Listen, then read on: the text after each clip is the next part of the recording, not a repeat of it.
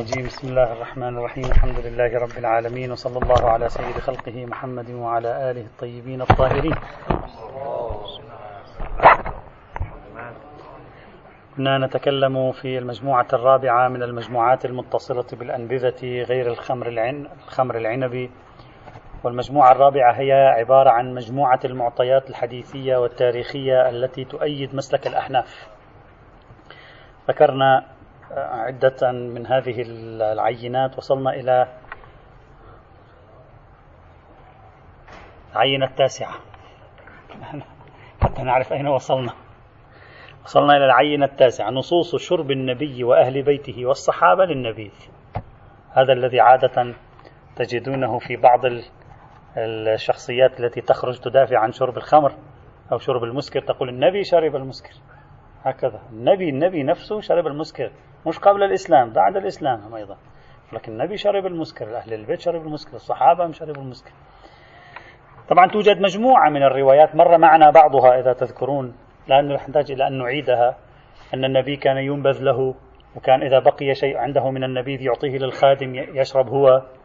وأهل البيت أيضا هم بعض الروايات مرت معنا كان يجي عنده شخص فيقول للخادم اسقه. يعني هم أهل والصحابة هم أيضا توجد روايات لا نريد أن نطول نطيل في عرضها. بعض العينات مرت معنا سابقا. فهؤلاء كلهم كانوا يشربون النبيذ. ما كانوا يقولون النبيذ غير المسكر والنبيذ المسكر. خلاص يشربون النبيذ. إذا مطلق. مسكر وغير مسكر. معناها النبي كان لا بأس عنده وأهل البيت لا بأس عندهم الصحابة لا بأس عندهم بشرب الأنبذة الأعم من المسكرة وغير المسكرة هذا استدلال بعض.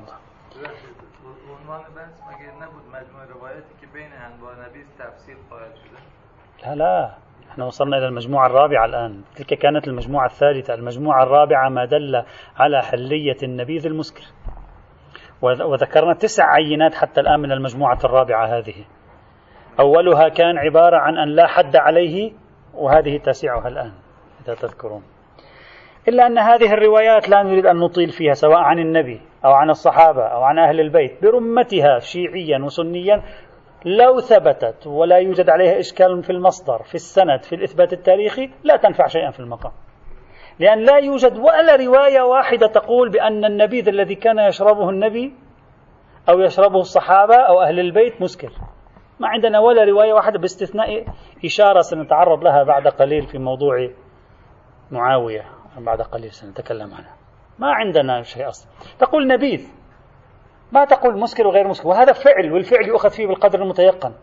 كيف أستطيع أن أعرف أن الأنبذة التي كانوا يستعملونها هي عبارة عن أنبذة مسكرة؟ ما في. لا توجد أي إشارة في جميع هذه الروايات على أنها أنبذة مسكرة. بل في بعضها توجد إشارات على أنها أنبذة غير مسكرة. قد مر معنا بعضها سابقا إذا تذكرون. إذا جميع هذه الروايات التي تتكلم النبي شرب النبيذ الصحابة شربوا النبيذ أهل البيت شربوا النبيذ. لا يوجد رواية لديها إشارة إلى أن هذا النبيذ كان مسكرا. وقد قلنا سابقا كلمة النبيذ تطلق على المسكر وغير المسكر. فكيف نتأكد أن النبيذ الذي شربوه كان نبيذا مسكرا؟ حتى نجعل ذلك دليلا في البحث. إذا هذا الدليل ضعيف.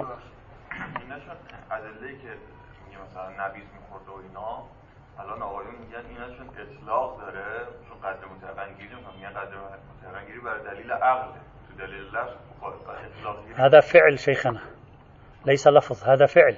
هذه الرواية تخبر عن فعل والفعل دليل صامت يؤخذ فيه بالقدر المتيقن. يعني هو شرب النبيذ. أي نبيذ شرب لا أعرف. إذا إذا النبي إذا قال لك النبي اشربوا النبيذ لا بأس ولا يوجد مقيد متصل أو منفصل. نعم يجوز شرب النبيذ مطلقا. هذا لا لا نقاش فيه. إنما هنا روايات لفظية لكن لا تحكي عن ألفاظ صدرت عن النبي. نعم كلها من مقولة الفعل. ومقولة الفعل يؤخذ فيها بالقدر المتيقن لأنه دليل صام. أنا فقط سأذكر رواية من هذه الروايات هنا لا بأس بطرحها من باب تنويع الموضوعات وهي رواية تاريخية واردة في مقتل عمر بن الخطاب على يد أبي لؤلؤة. ورد أنه عمر بن الخطاب لما طعنه أبو لؤلؤة ذهبوا به إلى منزله فأتاه الطبيب. هكذا ورد في في المصادر السنية أيضا هذا مصادر عديدة سنية. فقال الطبيب قال له أي الشراب أحب إليك؟ في شراب أنت تحبه أكثر. فقال النبيذ. قال فدعا بالنبيذ فشرب منه فخرج من إحدى طعناته. يعني خرج النبيذ من إحدى الطعنات السكين التي طعن منها. لا أدري هل يعني ما قصته لا أعرف. طبيا ما أعرف كيف هذه. فقال إنما هذا الصديد صديد إنما هذا الصديد صديد الدم يعني معناها أنت راحل. أن انتهى الموضوع قضي القضاء وانتهى الأمر يعني ما في مجال بعد لإنقاذك وانتهى الموضوع. والرواية واردة في سنن البيهقي في مصنف الكوفي في كتاب الاستيعاب لابن عبد البر وغيرهم من المؤرخين من المحدثين كلهم نقلوا هذه الرواية. هذه الرواية فهمت خاصة في الوسط الشيعي على أن عمر يشرب المسكر. فسرت هكذا على أن عمر بن الخطاب يشرب المسكر والدليل أنه قال له أي, أي شراب أحب إليك؟ فقال النبيذ. وهذا معناه أن أن عمر كان أحب ما إليه أن يشرب المسكرات وهذا طعن فيه في هذه الحالة إلا أن هذه الرواية لا تنفع شيئا. صار واضح الموضوع. النبيذ كلمة أعم. النبي شرب النبيذ. كلمة إلا إذا تقول لي بأن هذا النبيذ الذي يستعمله الطبيب لا يمكن إلا أن يكون النبيذ المسكر حتى يعطي مفعوله. إذا أثبتنا ذلك جيد.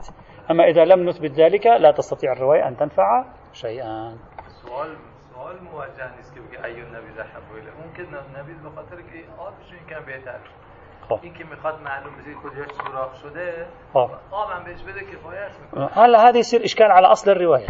نتكلم في جهة الرواية. والا وإلا إذا كنا نريد أن نشكل بهذه الطريقة مثلا كما يفعل بعضنا يعني يتشبث بأي كلمة وكما يفعل الطرف الآخر أيضا يتشبث بأي كلمة ليسجل نقطة وهدف. الآن عندنا مجموعة من الروايات ممكن أن تخلق لنا مشكلة. مثلا خذوا هذه الرواية الإسكافي المتوفى 336 في كتابه التمحيص. يقول قيل للصادق إن شيعتك يشربون النبيذ فقال وما بأس بالنبيذ. يعني هل سيقوم السني ويقول ها جعفر الصادق يرخص لشيعته في شرب المسكرات هذا هو مثلا جعفر الصادق؟ ليس صحيحا. يجب أن تفهم القضية في إطار يعني نظرة بانوراما شاملة لكل الروايات حتى نفهم ماذا يريد الصادق من النبيذ. لا أن نأخذ الكلمة ثم يعني نسجل عليها نقطة حتى في رواية لعلها أقوى من هذه الرواية. وإن كانت ضعيفة الإسناد يقول الإمام الكاظم عليه السلام قيل له إن رجلا رآك في منامه وهو يشرب النبيذ. شخص رآك واحد يقول الإمام الكاظم يقول شخص رآك في المنام وهو شخص يشرب النبيذ. هذه أقرب أن يكون نبيذ مسكر إذا أراد السني يسجل نقطة. قال ليس النبيذ يفسد عليه دينه. النبيذ ما يفسد دينه إنما يفسد عليه يفسد عليه تركنا وتخلفه عنا. إذا إذا يريد واحد سني أن يلعب بالصراع الطائفي في هذه الموضوعات سيقول انظر إلى الروايات الشيعية انظر إلى الإمام الكاظم يرخص لهم يزهد في أمر حرمة المسكر ويعظم في أمر آه، اتباعهم. آه، يبدأ ينسج عليها هذه لا ليس صحيحا. هذه الرواية فضلا عن أنها ضعيفة الإسناد ممكن أن تحمل مثلا على أنبذة أخرى لأن كلمة النبيذ كما قلنا لا تنصرف لا إلى النبيذ الحلال ولا إلى النبيذ الحرام. هذا ذكرناه سابقا قلنا الروايات متنوعة. على أي حال الروايات التي فيها كلمة النبيذ هكذا على إطلاقه إن لم يكن معها قرينة فلا يمكن فهمها على أن المراد منها النبيذ المسكر. وبالتالي نأخذ بالقدر المتيقن ولا يستدل بها هنا في شيء.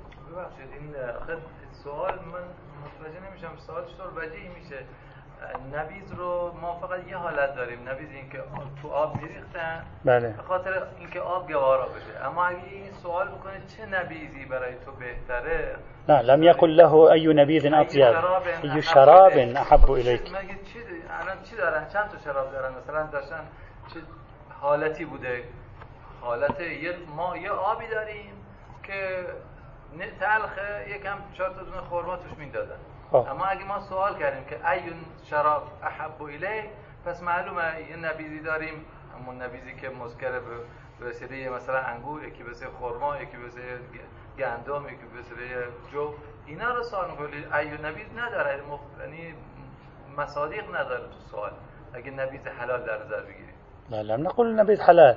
أي أنت الآن ماذا تفسر كلمة أي شراب أحب إلي يعني أي مسكر أحب إليك الجواب لا ينسجم أي شراب نداریم جواب در نمیاد اگه غیر مسکر باشه. چرا؟ جور در نمیاد. لعله يحب نقيع ال... كما ذكر ابن حجر. يحب نقيع الزبيب ولا يحب البتع من العسل. لعله يحب النبيذ ولا يحب مثلا سائر العصائر التي تكون مثلا افرض مثلا آه، يضع مثلا لا ليس أبوفيج مثلا شيء من ال... الذي يصنعونه صناعة أقصد يعني. شراب يقول له لم يقل له شراب حلو. شراب ربما خل ربما أي شيء.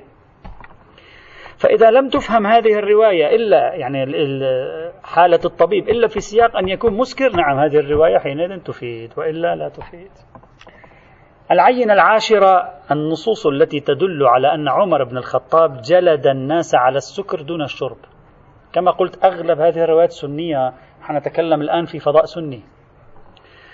أهم رواية هنا هي حادثة مشهورة حدثت مع عمر بن الخطاب ترويها الكتب رواها سعيد بن ذي لعوة سعيد بن ذي لعوة قال شرب الرواية فيها طرافة قال شرب أعرابي نبيذا من إداوة عمر يعني ال ال ال ال ال ال تلك الآنية التي يشرب منها عمر آنية يشرب منها عمر. إناء صغير يوضع فيه الماء اسمه الإداوة. شرب فسكر. إداوة لعمر. فيها النبيذ شرب منها ذلك الأعرابي سكر. فأمر به عمر. فأمر به فجلد. فقال هذا المسكين الأعرابي قال إنما شربت نبيذا من إداوتك. قال إنما نجلدك على السكر. ما نجلدك على الشرب لأنك السكر كان لك أن تشرب كما كان لك أن تسكر. هذه هي ال... فهذا قالوا هذا يفهم منه أن صحابي بحجم عمر بن الخطاب معناه رأيه رأي الأحناف. هكذا فهمهم في الوسط السني أن هذا رأي رأي الأحناف. وبالتالي يجوز الشرب للمسكر لكن لا يجوز لك أن تسكر. هكذا سيصبح.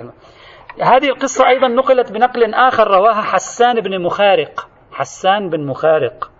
قال بلغني أن عمر بن الخطاب سائر رجلا في سفر يعني سار معه وكان صائما. فلما أفطر ذلك الرجل أهوى إلى قربة لعمر معلقة فيها نبيذ قد خضخضها البعير. البعير هو يمشي يخضخض هذه الإناء. الخضخضة عادة تساعد على الإسكار تعجل. وحتما هذول صايمين فهي من الصباح لم يمسها أحد. مع الخضخضة وفي الصحراء فهذا عجل في إسكارها. قال معلقة فيها نبيذ قد خضخضها البعير فشرب منها فسكر. هذا فضربه عمر الحد. فقال له إنما شربت من قربتك. قربتك. فقال له عمر إنما جلدناك لسكرك. مش لأنك شربت لأنك سكرت. اشرب. لكن لا تسكر هذه الحادثة التي استدلوا بها قالوا بأنها تدل على مسلك الأحناف وأن عمر النهاية من كبار الصحابة ويقول هذا الكلام. لا معنى لهذا الكلام إلا أنه هو عمر عنده قربة نبيذ مسكر. هو عنده قربة نبيذ مسكر. وعندما برر الجلد برر على السكر ولم يبرر على الشرب. وهذا كله شاهد على أن النبيذ المسكر لا إشكال فيه. طبعا هذه الرواية تعرضت أو قد تتعرض لمناقشات. أولا سعيد بن ذي لعوة وصف في كتب الرجال السنية كلها تقريبا بأنه شيخ دجال وضعفوه. لا أدري ضعفوه لأجل هذه الرواية أو غيرها لا أعرف. لكن على أي حال مضاعف جدا. خبر حسان ثاني خبر مرسل. أصلا وحسان وسعيد بن ذي لعوة مهملين في كتب الشيعة. أصلا لا ذكر لهم حتى نعرف هل هم ثقات غير ثقات. من هم أصلا؟ أصلا لا ذكر لهم إطلاقا اللطيف أن هذه الحادثة مروية أيضا في كتب السنة عن الإمام علي يعني الواسطة فيها الإمام علي. واسطة الإمام علي عليه السلام. على أي حال. إذا صحت هذه الرواية التاريخية يعني وقبلنا بها لنفرض أنها صحيحة غاية ما تدل أرجو التأمل غاية ما تدل ليس جواز الشرب من المسكر. غاية ما تدل إقامة الحد على السكر وليس على شرب المسكر. لا تدل لا على أن عمر كان يشرب المسكر ولا على أن القرب كان يعرف هو أنها مسكر ولا على أنه يريد أن يبين له أن أن شرب المسكر حلال. أصلا لا علاقة له الموضوع كل ما يريد أن يقول تقول الرواية إذا أردنا أن نحاسبها لا تريد أن تقول عمر يجلد على السكر ولا يجلد على الشرب. هل كان يشرب المسكر؟ لا أدري. خاصة يشهد على ذلك أن الرواية هي بنفسها أشارت إلى أنهم صائمين وأن القربة خضخضها البعير وهو يمشي وهذا وهم في سفر والسفر عادة لا يكون هناك ظلال بل تكون الشمس في معرض الشمس عادة. فأراد الراوي أن يقول صودف اتفق أنها أسكرت. يعني لا أن القربة قبل الصوم مسكرة أو أن أحدهما يشرب المسكر أو يرى حلية شرب المسكر. فليس في الرواية إشارة لهذا الموضوع أصلا. نعم في الرواية نقد آخر على عمر بن الخطاب يمكن تسجيله وهو أن الرجل يقول لك أن رجل ظاهر تعليق الرجل أنني شربت من من إداوتك. معنى ذلك أن الرجل ما كان قاصدا أن يسكر فعلى ما أقام عليه الحد. يعني الرجل ما دام يشرب شيئا حلالا حسب الفرض هو هو يشرب من إداوة الخليفة فاحتمال اشتباهه وارد. يعني الرجل قال هذه قربة الخليفة والخليفة ما معقول يشرب شيء مثلا غير حلال. هذا راح شرب فسكر. يعني ظانا أنه يجوز له أن يفعل ذلك اعتمادا على أن القربة قربة الخليفة. ففي أي وجه مع أن القاعدة تقول تدرأ الحدود بالشبهات فلا يصح من عمر بن الخطاب كان أن يجلده مع قاعدة درء الحدود بالشبهات. أما أن هذه الرواية تدل على أن عمر كان يرى حلية شرب المسكر. فضلا عن أنه هو بنفسه كان يشرب المسكر ليست واضحة في هذا المجال. فالرواية أيضا لا يصح الاستدلال بها حتى على مباني السنة في موقفهم من عمر. لو سلمنا أن عمر قوله حجة يعني على مبانيهم وقد بحثنا في محله في الأصول قلنا سنة الصحابي ليست حجة. فحتى لو كان هذا رأيه قوله ليس بحجة على أي حال. فهذه الرواية ضعيفة. العينة الحادية عشرة نصوص علاقة معاوية بالشراب. أيضا هذه استدل بها بعضهم على أن معاوية من الصحابة وبالتالي يمكن أن نستفيد منها في الوسط السني من أبرز هذه الروايات رواية عبد الله بن بريدة. قال دخلت أنا وأبي على معاوية فأجلسنا على الفراش ثم أتينا بالطعام ثم أتينا بالشراب فشرب معاوية ثم ناول أبي ثم قال ما شربته منذ حرمه رسول الله صلى الله عليه وعلى آله وسلم. الذي قال هل هو بريدة أو معاوية كلاهما محتمل. ثم قال معاوية كنت أجمل شباب قريش وأجوده ثغرا وما شيء كنت أجد له لذة كما كنت أجده وأنا شاب غير اللبن أو إنسان حسن الحديث. الرواية تقريب الاستدلال فيها هكذا. أن معاوية وهو صحابي على عند عند أهل السنة صحابي يعني يفترض أن يكون متصف بالعدالة. معاوية ناول ابن بريدة شرابا وذاك يقول لم أشربه منذ حرمه النبي. ما هو الذي حرمه النبي غير المسكرات؟ الشراب بقرينة الحديث عن الشراب لا نجد إلا المسكر. فمعنى ذلك أن معاوية كان يشرب المسكر أو كان يرى الرخصة في شرب المسكر ومعاوية صحابي وسنة الصحابي حجة فيكون ذلك على مباني أهل السنة موجبا لحلية النبيذ المسكر. وهذا طبعا غريب أن يستدل بعضهم بهذا. نفس الرواية تقول حرمه رسول الله. نفس الرواية تقول حرمه ومعاوية يقبل بهذه الجملة ولا يعترض عليه ويقول لا لم يحرمه رسول الله. وإذا كان تقول ما شربته منذ حرمه رسول الله صلى الله عليه وعلى آله وسلم يعني متعلق حرمه هذا لا السكر نفس هذا المشروب. معنى الرواية بنفسها تتضمن إعلان نبوي على تحريم المسكر. الآن معاوية كان يشربه ما كان يشربه بعد لا علاقة لها بالموضوع مع وجود النص على أن النبي حرم ما قيمة أن يكون معاوية يرى أو لا يرى؟ النص في داخل الرواية يقول حرمه الرسول ومعاوية لا يعترض ولا يقول لا لم يحرم الرسول إلا السكر منه. ماذا تقول يا ابن بريدة؟ أبدا هذا غير صحيح. يعني قبل إن لم يكن معاوية هو الذي قال هذا فلا أقل سكت عن قول ابن بريدة في قوله. وهذا معنى إقرار معاوية بالتحريم. فكيف تريد أن تحتج برأي معاوية؟ لو سلمنا أن هذا رأيه ولو سلمنا هذا رأيه يكون معارض لرأي النبي. فلا معنى للاحتجاج برأيه حينئذ وتنزيهه والدفاع عنه فضلا عن استنباط مسألة فقهية في مثل هذه المسألة. فهذا أيضا واضح لا يحتاج إلى كلام. العينة ما قبل الأخيرة تنتهي العينات من المجموعة الرابعة. ما ورد بلسان أن منشأ الخمر العنب والتمر. الخمر منشأها العنب والتمر. مثلا عن أبي هريرة عن رسول الله قال الخمر من هاتين الشجرتين الكرمة والنخلة. في صيغة أخرى قال النخلة والعنبة. في صيغة ثالثة قال الكرم والنخل. هذه روايات موجودة في صحيح مسلم وغير صحيح مسلم أيضا. استدلوا بها قالوا هذا معناها الخمر يعني الحرام ليس إلا نبيذ التمر وشراب العنب وغيره حلال. غيره لابد أن يكون حلال. إلا أن هذه الروايات لا تدل على شيء في المقام والإتيان بها في غاية الضعف. هذه غاية ما تريد أن تقول إن الخمر هو نبيذ التمر والعنب.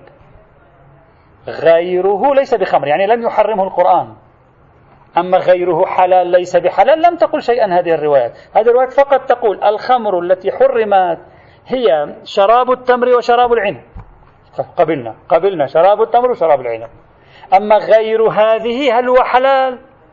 ولو لم يكن اسمه خمر وكان مسكرا الرواية أصلا ليست ناظرة لهذا الموضوع. لا علاقة لها بهذا الموضوع إطلاقا. وعليه. فهذه الروايات أيضا ينبغي تحييدها تماما في هذا الأمر. المعطى الأخير ما ورد في كسر النبيذ المشتات. هذا المعطى لا يدل على شيء بالعكس يدل على حرمة النبيذ المسكر وكيفية كسره. سيأتي معنا إن شاء الله تعالى ربما بعد غد إن شاء الله. البحث في كسر النبيذ كسر المسكرات. في كلام كثير في هذا الموضوع يعني في كلام في هذا الموضوع. إذا أنا عندي مسكر عندي جرة من مسكر وصببت عليها كمية من الماء بحيث إذا شربت كل الماء لا أسكر. الماء الذي صار مع المسكر شربته كله لا أسكر. هل يحرم أو يجوز؟ هذا موضوع كسر النبيذ بالماء. وقع خلاف في هذا الموضوع. إذا قلت يجوز معنى ذلك أنها أنك عندما تشرب شيء ولو فيه مسكر ينبغي أن يصدق عنوان المسكر على المجموع لا على الذي فيه. وهذا تترتب عليه نتائج كبيرة جدا. كل هذه الكحول التي في الأدوية كل هذه الكحول التي توضع في الشوكولا أو غيره مثلا كل هذه الكحول التي توضع في كذا إن لم تكن عنبية ينبغي على قاعدة كسر النبيذ بالماء أن تصبح حلالا. بصرف النظر عن موضوع النجاسة بصرف النظر عن موضوع النجاسة نتكلم. هذه سنبحثها. لكن بعضهم استدل بهذه الروايات. بهذه الروايات لا تنفع شيء في تحليل المسكر. بالعكس هذه الروايات معناها أن المسكر حرام ولك أن تحلله بالكسر. لا أن المسكر حلال. لو كان المسكر حلال لا حاجة إلى تحليله بالكسر. فإذا هذه المجموعة أيضا لا تنفع شيئا في المقام. الآن نريد أن نستخرج نتائج مجموع ما مر معنا. هذه المجموعة الرابعة نتائج المجموعة الرابعة. ضع عنوان نتائج المجموعة الرابعة اللي هي عبارة عن 11 أو 12 عينة أتينا بها هي التي تشكل أهم أدلة أهم أدلة القائلين بحلية المسكرات غير الخمرية. بعد أن راجعنا كل هذه العينات 11-12 عينة توصلنا إلى ما يلي. أولا الأغلبية الساحقة من هذه الروايات تكاد تكون حكرا على مصادر الحديث والتاريخ السنية. ونادرا ما تجد لها شبيها في الكتب الشيعية الإمامية. هذه أول نتيجة مهمة. باستقراء المصادر هذه الروايات التي فيها رائحة تحليل المسكر ولو لم تدلها رائحة تحليل المسكر. رائحة تحليل النبيذ الأعم من المسكر وغيره 99% منها هي روايات سنية. نعم. الرواية الشيعية وردت في تحليل النبيذ وفي تمييز النبيذ. هذا اللي مر معنا في المجموعة الأولى والثانية والثالثة؟ نعم الرواية الشيعية وردت. روايات في تحليل النبيذ روايات في تحريم النبيذ المسكر روايات في التمييز بين المسكر وغير المسكر. المسكر حرام غير المسكر حلال. نعم هذا موجود. أما روايات يمكن يستدل بها على تحليل النبيذ المسكر مباشرة. مثل هذه المجموعة فهذا لم نكد نجد له شيئا يذكر في كتب الشيعة الإمامية. مجموع هذه الروايات سنية. هذا أولا. ثانيا بعد أن راجعنا كل هذه الروايات في المجموعة الرابعة تبين معنا أن تسعة منها هي 12 تقريبا أو 11 تسعة منها ليس لها دلالة أصلا على تحليل المسكر. أصلا ليس لها دلالة وهذا مر معنا. وهي عبارة عن ما جاء في عدم ثبوت الحد بشرب المسكر دون سكر. قلنا عدم ثبوت الحد بشرب المسكر دون سكر لا يدل على حلية المسكر. بينا ذلك. ثاني ما جاء بلسان أن أصل النبيذ حلال وأصل الخمر حرام. قلنا هذه لا تدل على حلية المسكر. ثالث ما جاء بلسان تحليل السكر من كل شراب. قلنا أصلا ما معلوم يكون سكر يمكن تكون كلمة سكر. لا تدل على شيء. رابع ما جاء بلسان اشربوا ما طاب لكم ولا تسكروا. قلنا أيضا هذه بحثنا قلنا لا تدل على شيء. خامسا ما جاء بلسان كل شراب أسكر فهو حرام. أيضا قلنا هذه لا تدل بالعكس تدل على حرمة المسكر. بينا ذلك. سادسا ما جاء بلسان أن النبي وأهل بيته والصحابة شربوا النبيذ. قلنا هذه لا تدل على شرب المسكر. سابعا ما جاء بلسان تحديد الخمر بأنها من العنب والتمر كما قلنا قبل قليل قلنا لا تدل على حلية المسكر. ثامنا ما جاء بلسان كسر النبيذ بالماء. قلنا ما أيضا هذه لا تدل بل تدل على العكس يمكن. تاسعا وأخيرا ما جاء بلسان جلد عمر على السكر دون الشرب ولو على احتمال. هذه الرواية هذه التسع عينات من المجموعات الحديثية أو الروايات قلنا هذه حتى لو ثبتت تاريخيا حتى لو ثبتت سندا أصلا لا دلالة لها لمصلحة الأحناف في هذا الموضوع. وعليه فمن أصل تقريبا 12 أو 13 عينة من الروايات توجد ثمانية أو تسع عينات أصلا خارجة عن إطار بحثنا. إقحام الأحناف لها هنا كله محل نقاش. حتى لو تمت سندا فضلا عن أن الأغلبية الساحقة منها كما رأينا ضعيفة إما من حيث الإسناد أو من حيث المصدر أو من حيث الإسناد والمصدر معا. شيعيا سنيا شيعيا وسنيا أيضا في مجمل الأحيان. وأغلبية هذه الروايات الأغلبية الساحقة لهذه الروايات وردت في مصادر سنية من الدرجة الثانية والثالثة.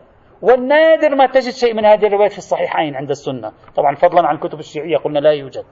وهذا كله يضعف من موقع هذه الروايات في هذا الموضوع. بل أكثر من ذلك قلنا بعض هذه الروايات ورد بصيغتين. صيغة لمصلحة تحليل المسكر تحتمل أنها لمصلحة التحليل وصيغة تدل على تحريم المسكر. يعني نفس الرواية مبتلاة بالنقل بالصيغتين وهذا أيضا يضعف الموقف جدا وكثيرا في هذا المضمار. وعليه وعليه الروايات نتيجة البحث في النبيذ برمته وفي مطلق غير المسكر نتيجة البحث.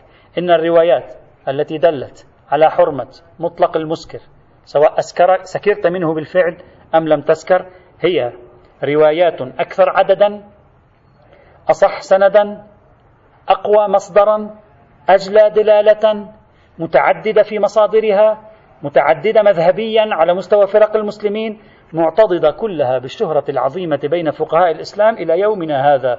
فرمي ستين رواية مرت معنا سابقا لأجل بضعة شواهد قليلة كثير منها في مشاكل سندية أو مصدرية أو تاريخية أو دلالية يبدو لي بعيدا عن الإنصاف. فالحق أن كل مسكر حرام سواء سكرت منه فعلا أم لم تسكر منه فعلا بشرط صدق عنوان المسكر عليه. وبالتالي كل نبيذ مسكر حرام والنبيذ غير المسكر حلال. هذه النتيجة التي توصلنا إليها. لكن يوجد عندنا بعض الملحقات والتوضيحات في موضوع النبيذ. نذكرها لا بأس بذلك. أول ملحق. عندنا بعض الملحقات نشير إليها سريعا. الملحق الأول. وهذا ملحق توضيحي فقط لأنه كثير من الناس يلتبس عليهم هذا الأمر التباسا عجيبا. كثير من الناس يلتبس عليهم هذا الأمر التباسا عجيبا خاصة على مستوى اللغة العربية. اليوم كلمة هذا قلته سابقا كلمة النبيذ أغلب ما يطلق عليه النبيذ اليوم هو عبارة عن خمر. فلا يجي شخص يقول النبيذ آه، المسكر وغير المسكر ويتصور المقصود النبيذ أو ما يعبر عنه ببعض اللهجات النبيت بالتاء في بعض اللهجات النبيت. هذا لا علاقة له. هذا هذا مجمع عند جميع فقهاء الإسلام بمن فيهم الأحناف على حرمته. هذا الخمر العنبي. وهذا الذي يعتقونه في الجبال ويبقى أحيانا عشر سنوات عشرين سنة مئة سنة مئتين سنة ثلاثمائة سنة. طبعا في دراسات كثيرة حول الخمر العنبي المسمى اليوم بالنبيذ. في دراسات كثيرة. أنا قرأت عدة دراسات حولها واللطيف أن هناك دراسات تتكلم عن وجود أوان من الفخار عثروا عليها فيها خمر ترجع إلى ما بين خمسة ألاف وأربعمائة سنة وخمسة ألاف سنة. يعني الإنسان كان يشرب الأنبذة أنبذة بالمعنى الخمري. كان يشرب الخمر قبل خمسة ألاف سنة وستة ألاف سنة. هناك بعض الجرار التي عثروا عليها في بعض الأماكن النائية في الجبال وغيرها تفيد شيئا من هذا القبيل. واللطيف أيضا نعم نعم حسب دراستهم لهذه الجرار قالوا هذه وفيها خمر. يعني حتما هذا الخمر قيمته عند شراب الخمر بقيمة الذهب لأن هذا معتق خمسة ألاف سنة شاربه يبد أن يكون يعني شخص استثنائي في عالم الخمور. بل بل وجدوا في المقابر الفرعونية أيضا بل حتى قال بعضهم أن في بعض المقابر الفرعونية ما, ما, ما يرجع خمره إلى أكثر من ثمانية ألاف عام. وكلام قديم جدا على أي حال. واللطيف أنهم يقولون أقدم تصنيعات يعني مطروحة عادة للخمور هي في ثلاث دول. كانت جورجيا جورجستان وإيران وأرمينيا. هذه المنطقة كانت منطقة غنية. وإلى اليوم جورجيا معروفة في موضوع ال ال يقولون وبعد ذلك ظهر في اليونان وبلغاريا وروما. وبعد ذلك انتشر في العالم. فيبدو أن أصله هنا في يعني بلاد القوقاز كما يقولون.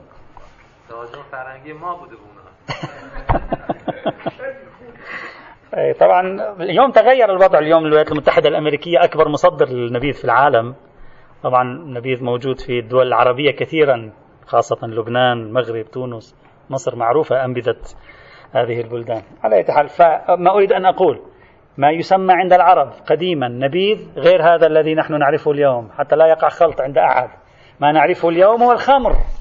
هذا حرام بالاتفاق. وما يسميه العرب سابقا والمسلمون سابقا نبيذ شيء آخر مختلف عن هذا تماما كما صار واضحا. هذه الملحق الأول. نقطة ثانية أريد أن أوضحها. كيف فسر الذين جوزوا المسكر قول رسول الله كل مسكر حرام؟ يعني هم رأوا عشرات الروايات كل مسكر حرام ولم يستطيعوا أن يشككوا في صدورها. كيف فسروها؟ هذا يجب أن نعرف كيف قرأ هؤلاء الأحناف هذه القضية. طيب النبي قال كل مسكر حرام. طيب هذا الذي الحنفي الذي عنده هذه الروايات موجودة في مصادر المسلمين ورأينا بعشرات الطرق. كيف يمكنه أن ينكرها؟ بعضهم قال أنا أقبل بها. صحيحة. لكن معناها ينسجم مع رأينا مع رأي الأحناف. كيف؟ قال مثلا شخص متى تقول أنت عنه قاتل؟ عندما يقتل. فهذا زيد قاتل عندما يتحقق القتل منه لا عندما يمكنه أن يقتل. أن يقتل ها؟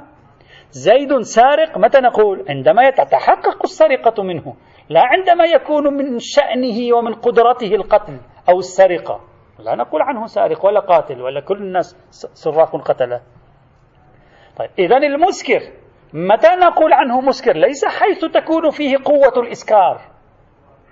ويصدق عليه أن فيه إمكانية أن يسكر. لا. المسكر نقول عنه مسكر عندما نسكر. عندما نسكر يصبح مسكر. مثل عندما يقتل السار يقتل القاتل يصبح قاتل كذلك عندما يسكرني المسكر يكون مسكرا. قبل أن يسكرني لا يكون مسكرا. فتأول بعض الأحناف قضية كل مسكر حرام وقالوا المراد منها كل شراب شربته. فسكرت صار اسمه مسكرا فيكون شربه حرام. وبالتالي حرمة شرب المسكر يعني حرمة التلبس بالسكر. إذا التلبس بالسكر هو معناه شرب المسكر. قبل التلبس بالسكر لا يقال أنا أشرب المسكر لأنني أشرب ولا أسكر فهذا ليس مسكر.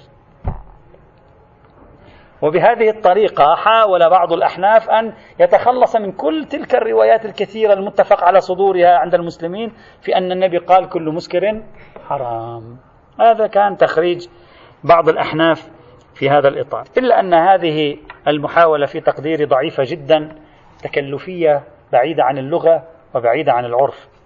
فإن العرف قديما وحديثا وأهل اللغة قديما وحديثا يطلقون هذه الأوصاف باعتبار ما في الشيء من خاصية لا باعتبار ما يتركه عليك من أثر. فتقول هذا شراب حلو الطعم.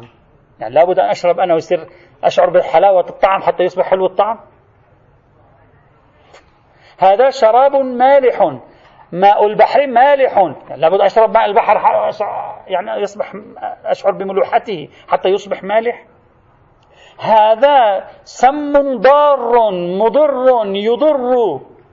يعني لابد واحد أنا أخذه وأتضرر حتى أن يسبق أنا يحرم علي شرب السم. هو في حد نفسه مضر فإذا يحرم علي أن أشربه. فهذه الصفات المتعلقة بالأعيان الخارجية بنظر أهل العرف واللغة تطلق بما للشيء من صفة وقدرة على تحقيق نتيجة. لا أنه مشروط فيها بالفعل تحقق هذه النتيجة. ويشهد على ما نقول. الآن أنت تذهب إلى أي مكان من من أمكنة بيع الخمور في البلدان التي يسمحون فيها ببيع الخمور؟ وتقول له أريد مسكرا. فماذا يعطيك؟ يعطيك الشيء الذي فيه طاقة الإسكار. تقول هذا مسكر. ثم لنفرض أن شخصا أخذ من هذا الشيء وسكر. ألا يقال له مسكر؟ يعني يقال له مسكر في حقه ولا يقال له مسكر في حقي؟ هو خلاص صار مسكرا. تحققت منه فعلية الإسكار. حقق الإسكار في حق أحد. فصار مسكرا. إذا هذا التكلف الذي حاوله ويحاوله اليوم بعض الأحناف أو بعض الباحثين في أن يقول آه، كل مسكر حرام لا تدل على شيء هنا غير دقيق إطلاقا وغير صحيح أبدا. فالظاهر العرفي من هذه الجملة صفة يتصف فيها هذه المادة أو هذا الشراب تحدث الإسكار بطبيعة هذا كله فضلا عن أن الروايات النبوية لم تقل فقط كل مسكر حرام. رأينا كثير من الروايات تقول ما أسكر كثيره فقليله حرام ماذا سيصبح معنى كلمة ما أسكر كثيره فقليله حرام لا معنى لها. لأنه إذا أسكر كثيره قليله لن يسكر معناها وإذا لن يسكر قليله فمعناها هو غير مسكر على رأيكم فيجوز. فما معنى ما أسكر كثيره فقليله حرام إذا هذه الروايات لا يمكن التأول فيها بهذه الطريقة التكلفية في هذا الموضوع. الملحق الثالث ماذا قصد الأحناف من كلمة النبيذ الحلال؟ يوجد بعض المحاولات اليوم التي تحاول تفسير رأي الأحناف القدامى بشكل يتحقق معه إجماع المسلمين يعني بعكس هذه الجماعة بالعكس. هناك بعض العلماء اليوم حاول أن يفسر موقف الأحناف في القرن الثاني الهجري بتفسير يجعل الأحناف متفقين مع الإجماع الإسلامي. ليسوا مخالفين أصلا. يعني بطريقة لا يخرقون فيها الإجماع. وهذه آه، ذكرها بعضهم ومن أبرزهم في عصرنا هذا الشيخ فريد الأنصاري متوفى سنة 2009 للهجرة آه، للميلاد عفوا وهو من الشخصيات آه، العلمائية المغربية حاول أن يجعل رأي الأحناف مطابقا لرأي الجمهور بحيث يقول لم يخرق الإجماع الإسلامي. بل حرمة المسكر يعني بعكس ما قلنا قبل بعكس هذا الذي ناقشناه قبل قليل. كيف سيأتي إن شاء الله تعالى؟ والحمد لله رب العالمين.